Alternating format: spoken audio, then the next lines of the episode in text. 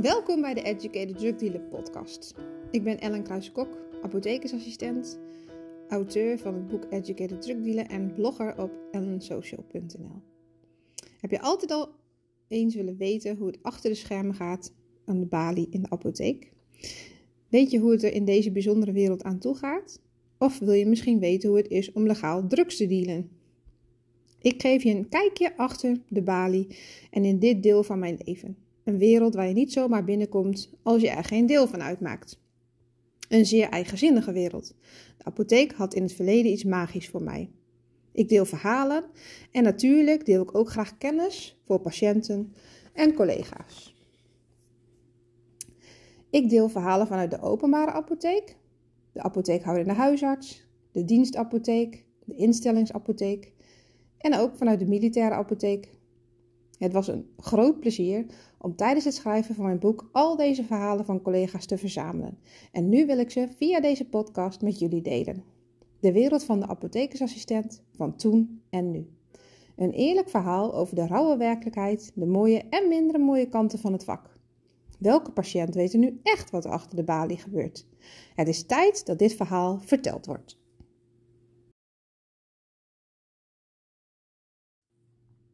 Het was al vrij vroeg in mijn leven dat ik de keuze maakte om in de apotheek te gaan werken. En in deze tweede aflevering van de Educated Drug Dealer podcast neem ik jullie mee in mijn keuze en hoe dat voor mij was. Je bent dan nog zo jong en je weet vaak helemaal niet iets over ziek zijn of uh, wat dit met zich meebrengt. Dus laat me je vertellen over mijn eigen keuze.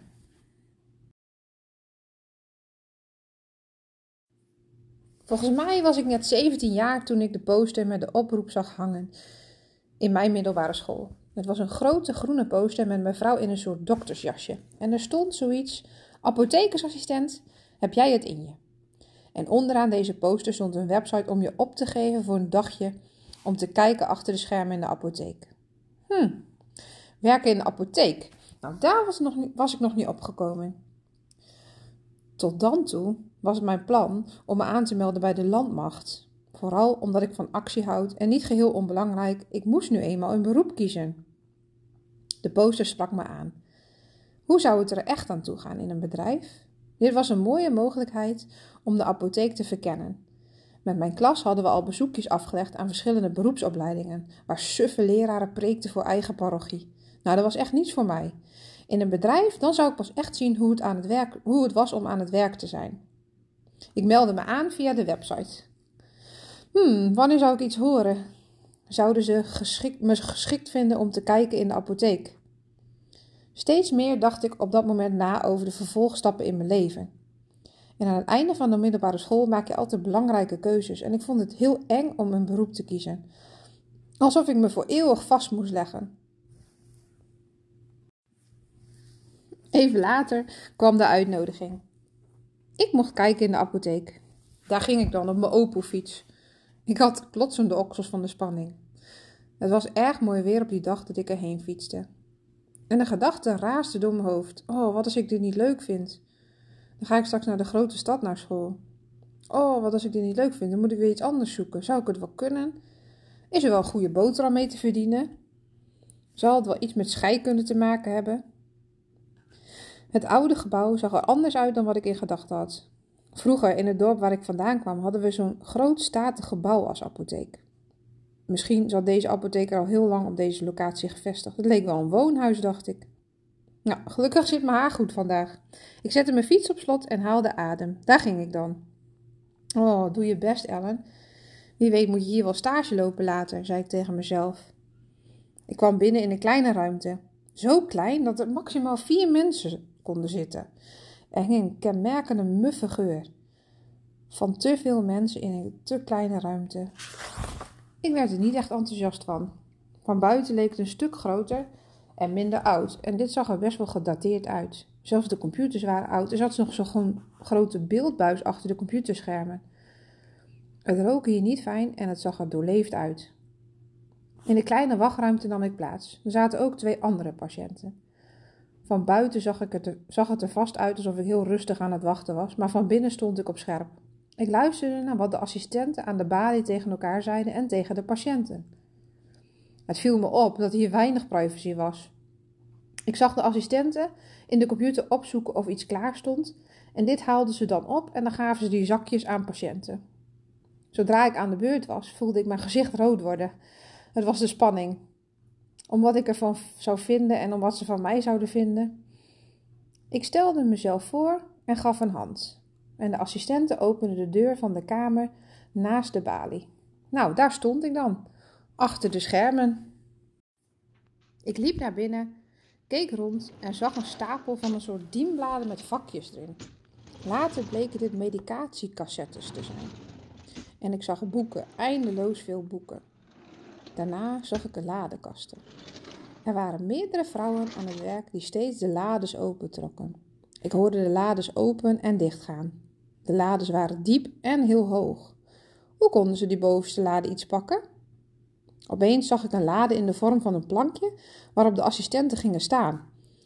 Nu kon ze wel makkelijk bij de hoogste vakken komen. handig bedacht.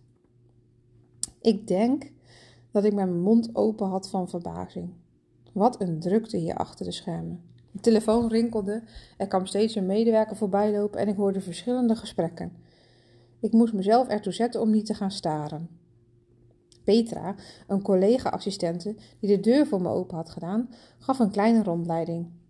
De apotheek had verschillende hokjes en die best wel donker waren. Ze zette mij uitgerekend in de donkerste ruimte neer. Nou, trek dit witte schort maar aan en hier in de bereidingsruimte mag je even wat vaseline lanettencrème uit gaan vullen, zei Petra. Doe het licht maar weer aan, want het stond uit omdat we tetracycline moesten afwegen.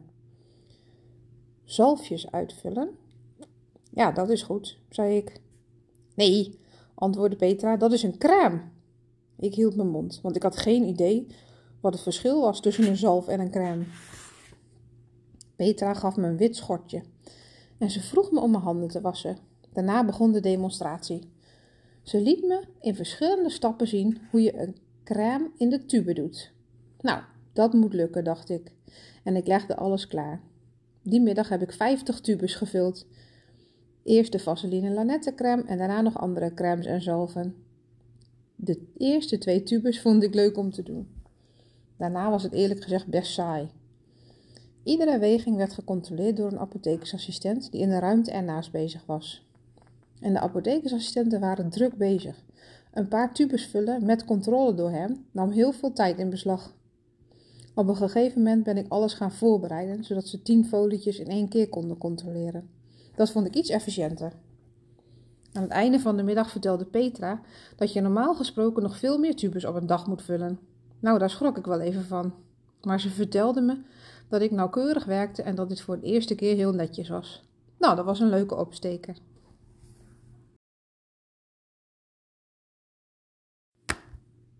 Het verschil tussen zalf en crème. Een zalf bestaat volledig uit vetten en een crème is een mix van vet en water. Een crème trekt iets sneller in dan een zalf en de meeste mensen vinden dit dan ook wat prettiger in het gebruik. Nou, dat waren dan mijn eerste minuten in de apotheek. En jullie hebben natuurlijk kunnen horen hoe ik mijn keuze een beetje gemaakt heb. Het was erg spannend en ik was nog niet meteen verkocht. Maar je hoort meer in de volgende aflevering. Um, hebben jullie misschien ook het geluid geraden uit de vorige aflevering? Want het was nu weer te horen. Het was het geluid van de lades die open en dicht gaan. En wat handig hè, zo'n opstapje. Wist je dat uh, voor het gebruik van zalf en crèmes allerlei verschillende instructies zijn? Soms zit er een geneesmiddel in en soms niet. Al deze informatie over je geneesmiddel kun je nakijken via apotheek.nl. En zelf heb ik een handig vragenlijstje ontwikkeld dat je mee kunt nemen naar de arts of apotheek. Je kunt het downloaden via mijn shop. Het is gewoon gratis en ik zal een link zetten in de beschrijving.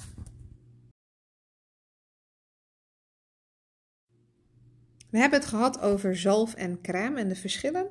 En misschien is het leuk om ook een vraag in de volgende aflevering te beantwoorden, namelijk hoe lang is een crème houdbaar? Vond je deze podcast leuk? Dan zou ik het heel gaaf vinden als je deze podcast wilt volgen of misschien een review wil geven via de podcaststream waar jij luistert. Ik heb altijd leuke weggevers in mijn webshop staan die je gratis kunt downloaden. Voor als je meer wil kun je ook blogs lezen op mijn website www.ellensocial.nl. En uh, je kunt ook op de hoogte blijven van mijn blogs en aanmelden voor mijn wekelijkse nieuwsbrief. En um, die is heel verschillend. Um, je kunt namelijk kiezen voor apotheek of doktersassistent, maar ook voor uh, Ellen. En als je op Ellen klikt, krijg je al mijn blogs. Um, nou, ik hoop dat ik mensen enthousiast kan maken over het werk in de apotheek. Dat ik patiënten kan helpen. En dat ik mijn collega's kan helpen door een kijkje te geven achter de schermen. En tot de volgende aflevering.